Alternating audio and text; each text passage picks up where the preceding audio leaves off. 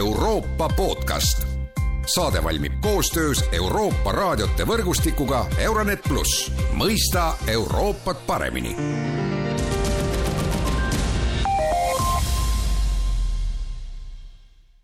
tere taas kuulama Euroopa podcasti. üheksas mai on tähendanud Euroopa integratsiooni aastapäeva, aga praeguseks on Ukraina sõja valguses üheksanda mai tähendus muutunud.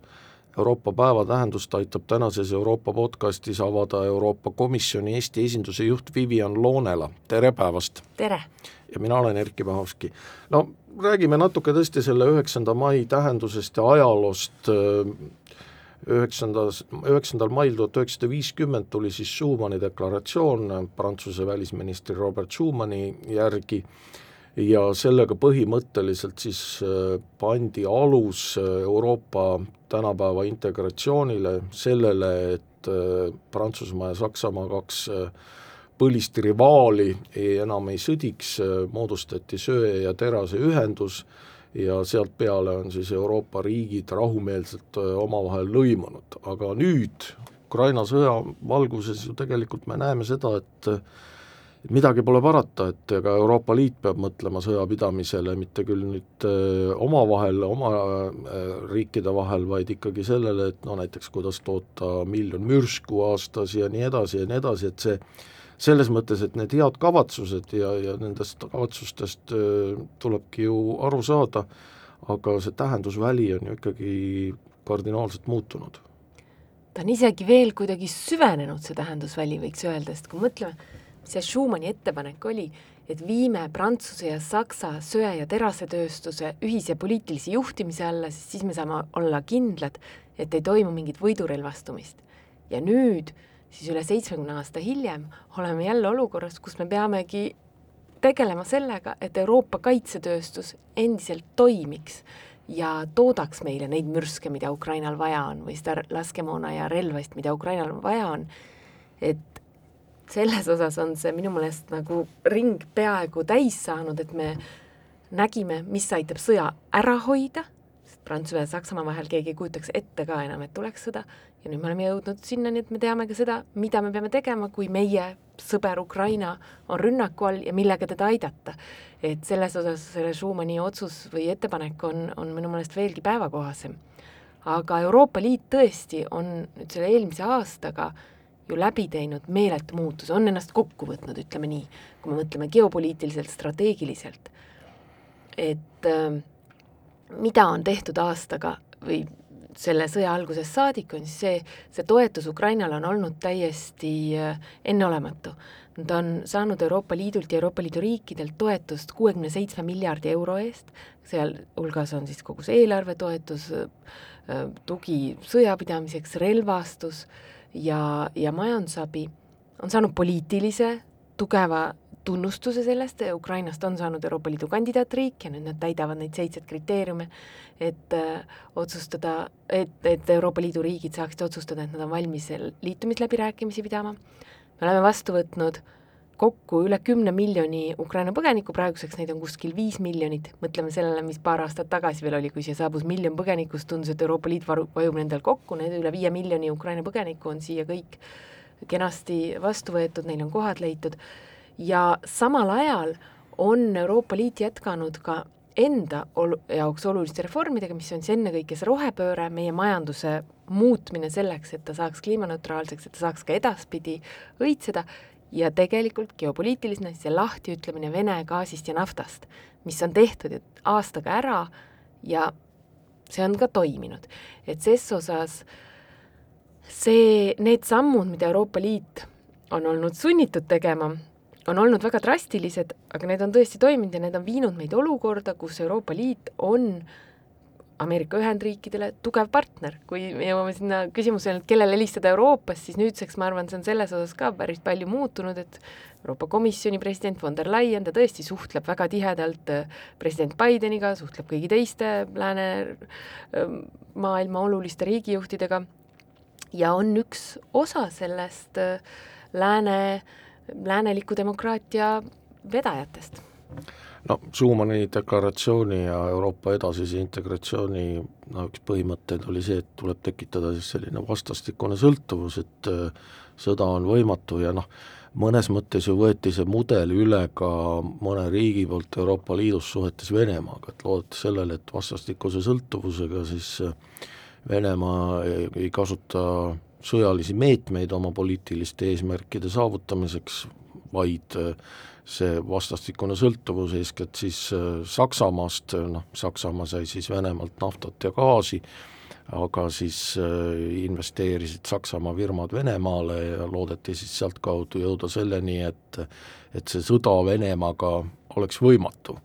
ja noh, teatud ajani ju me peame tunnistama, teatud ajani see mudel töötas, aga noh, seal jäi ikkagi puudu see, ma arvan, see on minu arvamus, sa võid selle nüüd ümber lükata, et äh, ei olnud ju seda integratsiooni täitmudelit, ei olnud seda ühtset poliitilist juhtimist, ei olnud seda kõrgemat võimu, mida ei olnud, et need otsused tehti ikkagi Moskvast ja noh, me teame, kuhu need äh, välja viisid, et, et ilma sellise süvendatud integratsioonita noh, see vastastikuse sõltuvuse mudel ei ole täiuslik või täielik. muidugi ei ole. ja sellest on ju nüüdseks täiesti selgelt ka aru saadud ka Saksamaal. kui me räägime Euroopa Liidu integratsioonist, siis me vaatamegi ühelt poolt seda majanduslikku sõltuvust, mis siis või ütleme nii, selle ühisturu ja vaba liikumise, inimeste kapitali, ettevõtete vaba liikumise näol on olemas. aga teisalt ka see poliitiline integratsioon, mis on hästi oluline, me mäletame seda iseenda äh, liikme läbirääkimistest, kui me tahtsime liikmeks saada ja me näeme sedasama praegu, tegelikult võtame sellesama Ukraina liitumisprotsessi, see et riik, kes saab Euroopa Liidu liikmeks, on ka täiesti samal tasemel kui teised või suudab kanda neid samu kohustusi, mis puudutab põhiõigusi, justiitssüsteem, õigussüsteemi toimimist, korruptsioonivastast võitlust, see on tegelikult ka, need euroopalikud väärtused selles osas on seal ka väga selle asja südames ja see on see, mis ju tegelikult seda Euroopa Liitu ka koos hoiab, muidugi see on ühisturg, mis on meie majanduslik selline kroonijuveel, aga see, et me oleme kokku tulnud äh, ja äh, nagu kinnistanud neid euroopalikke väärtusi, mis puudutavad meie asjaajamist, kui seda niiviisi võib-olla praktilisemalt äh, äh, kirjeldada, siis see on sinnasama oluline, see, et sa võid olla kindel, et see, mis toimib Eestis, toimib Itaalias, toimib Prantsusmaal, toimib Leedus. Väga palju on just räägitud sellest, mida sa ka mainisid, euroopalikest väärtustest, et mida need sinu jaoks ikkagi siis tähendavad, et me näeme seda, et väga palju on neid euroopalikke väärtusi ka rünnatud ja kritiseeritud äh, aga mis nad on ja miks nad peavad olema mm.? ma arvan, kõige esimeseks siin on, kui võtame Euroopa Liidu poolt, siis on see solidaarsus, see, et me toetame teineteist, me aktsepteerime teineteist sellised, nagu me oleme ja ja, ja lähme, tegutseme nagu ühiselt, üheskoos. kui euroopalikud väärtused võtta sellise üksikisiku pinnale, siis see, mis on Euroopa Liidu see lipukiri nii-öelda või selline embleem United in diversity, et erinevuses mitmekesisus. mitmekesisus, see on tegelikult see, eks see, et me arvestame inimestega sellistena, nagu nad on, ei ole kiusu. Ja, ja inimesed saavad tunda ennast vabalt, ma arvan, see vaba olemise tunne on midagi, mis noh, võib-olla meist vanematele inimestele on veel olulisem, et sa oled elanud sellise öö, sellises süsteemis, kus sa ei saa vaba olla ja kui sa nüüd näed, milline on see elu Euroopas, sa oled, mis sa oled, sa teed, mis sa tahad, sa pead seda muidugi vaatama, et sa kedagi teisele sel-, kellelegi teisele selle viga ei saa. ma usun, see üldine austus teine, teise vastu on minu jaoks see, kui me võtame selle üksikisiku pinnale, on see kõige-kõige tähtsam Euroopa väärtus, aga sinna ümber ongi see kõik muu ehitatud, see austus üldisemalt, ühtsus ja nii edasi. no üheksas mai ongi Eestis ju kujunenud ka päevaks, kus äh, neid samu asju ju ka nii-öelda tähistatakse ja toimuvad mitmesugused üritused, et eh, mida sa välja tooksid, et üritused ei ole ju tegelikult ainult Tallinnas, vaid tegelikult üle Eesti on üritused? üritused on tõesti üle Eesti, meil on erinevates kohtades erinevaid asju, nädalavahetusel juba oli näiteks Kuressaares, ma olin nädalavahetusel, seal toimus Euroopa päeva tähistamine koos Kuressaare aastapäevaga juba, juba pühapäeval, Tartus on meil homme suur äh, selline ka debatt muude Euroopa Liidu liikmesriikidega just nendest Euroopa väärtustest ja, ja ka praegustest poliitikatest, Võrus erinevad üritused, Põlvas ja ka Ida-Virumaal, näiteks Ida-Virumaal, mis on korraldatud eraldi, on, et äh, on korraldatud er-, ekskursioonid erinevatesse kohtadesse siis, mida on Euroopa Liidu toetuste eest äh, seal, Euroopa Liidu investeeringute eest ehitatud, see on midagi, mis inimestele samuti, see on jälle üks märk sellest solidaarsusest, ega keegi ei tee neid investeeringuid Eestisse lihtsalt sellepärast, et et need siia teha, see on märk sellest solidaarsusest, see on oluline ka Saksamaale, Portugalile, Hispaaniale ja muudele meie teistele liikmesriikidele, et elu Eestis läheks paremaks. aga päeva tippsündmus on kindlasti kahtlemata homme kell kuus Vabaduse väljakul suur kontsert, kus esinevad Stefan, Tanel Padar ja Eurovisiooni eelmise aasta võitja Kalush Orkestra mm, Ukrainast. see kontsert kantakse üle ka nii ETV-s kui ETV Plussis, aga veel lisaks päeval on meil kell kaksteist on aasta eurooplase väljakuulutamine, president Karis kuulutab selle välja, Vabamus, ja kogu pärastlõuna võib Vabaduse väljakul osaleda sellel festivalil, kus on Euroopa Liidu riikide saatkonnad oma selliste telkide või väljapanekutega Ukraina ja ka Tallinna rohepealinn. ja võin öelda küll, et kuidas on ol-, asjad, kuidas elu on muutunud, et nüüdseks meil on seal Euroopa päeval Vabaduse väljakul on kohal Prantsuse sõdurid, sellepärast et see on see, mida Prantsusmaa saatkond näeb, et nad tahavad jagada siin Eesti inimestega, et midagi sellist, ma arvan, ka me enne sõda ei oleks ette kujutanud. no just, me tulles tagasi meie jutuajamise alguse juurde, et Euroopa Liitu ju tavaliselt ei, ei seostata sõdadega või sõduritega, aga nüüd on nagu asjaolud on sellised, et midagi ei ole teha, et me peame ikkagi nendest asjadest rääkima. peame ja olemegi ju olnud väga tegusad. kui mõtleme, ennem sõja algust ei oleks tulnud selle pealegi, et Euroopa Liit hakkab oma eelarvest andma raha selle jaoks, et osta relvi sõjas olevale riigile, nüüd on seda tehtud üle kolme ja poole miljardi Euroopa Liidu rahurahastust, selle lisaks veel riikide enda investeeringud, mm,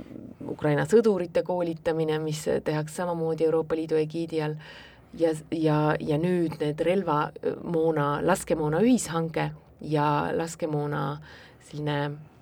tootmise tugevdamine Euroopa Liidus, kuhu just eelmisel nädalal komisjon esitas selle ettepaneku, et kuidas sinna saada samuti miljard eurot juurde,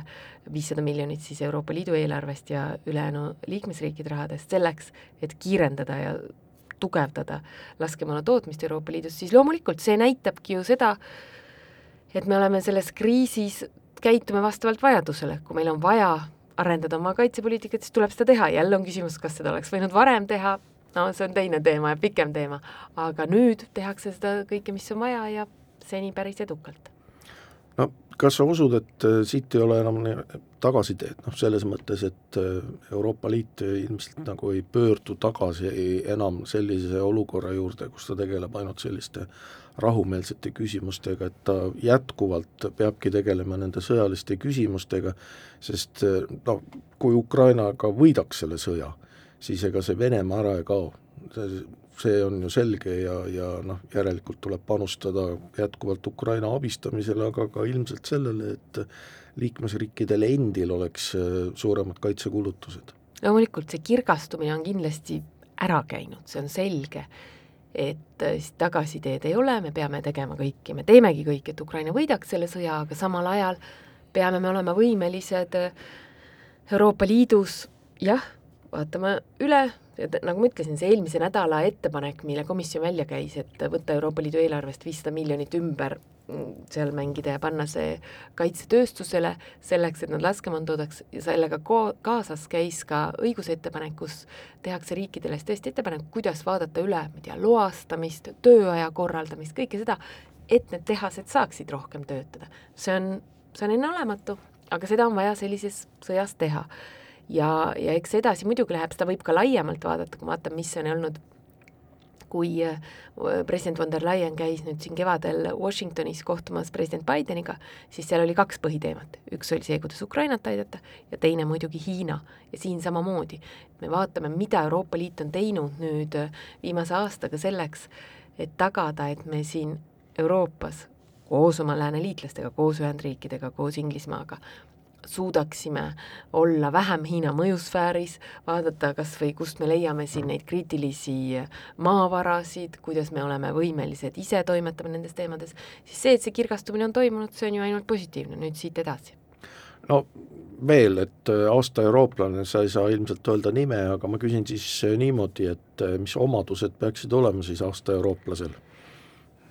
seda, mida žürii on arutanud, on just see, et vaatame, kuidas on kuidas ka eelmistel aastatel on selle, sellele lähenetud, on see, et aasta eurooplane, see on keegi, kes on muutnud Eestis Euroopa Liidu kujutlust, on toonud seda lähemale Eesti inimestele, aga loomulikult suur asi on ka, kui on võimalus muuta Euroopa Liidu toimimist, et ma arvan, eelmisel aastal, eelmise aastaga Eesti on olnud selles osas ainulaadses rollis, et me tõesti oma töö läbi oleme suutnud, oma poliitikute, oma diplomaatide töö läbi oleme suutnud väga palju ka mõjutada neid otsuseid, mis Euroopa Liit võttis vastu, kas see puudutab Vene sanktsioone, kas see puudutab Ukraina laienemist, Vene piiri kinnipanemist, Vene ja erinevaid siin äh, lähenemisi, mis on võetud või nüüd seesama relvaabi Ukrainale, et see on midagi, kus äh, Eesti on olnud, Eesti on ise ka suutnud Euroopa Liitu tugevamaks teha ja see on see, millele žürii ma võin öelda ette nii palju, on väga palju tähelepanu pööranud. aitäh Vivian Loonele stuudiosse tulema ja soovime siis kõigile meeleolukat üheksanda mai pidustusi ja külastage siis äh, neid toredaid ettevõtmisi ja üritusi. siit aga kõike head!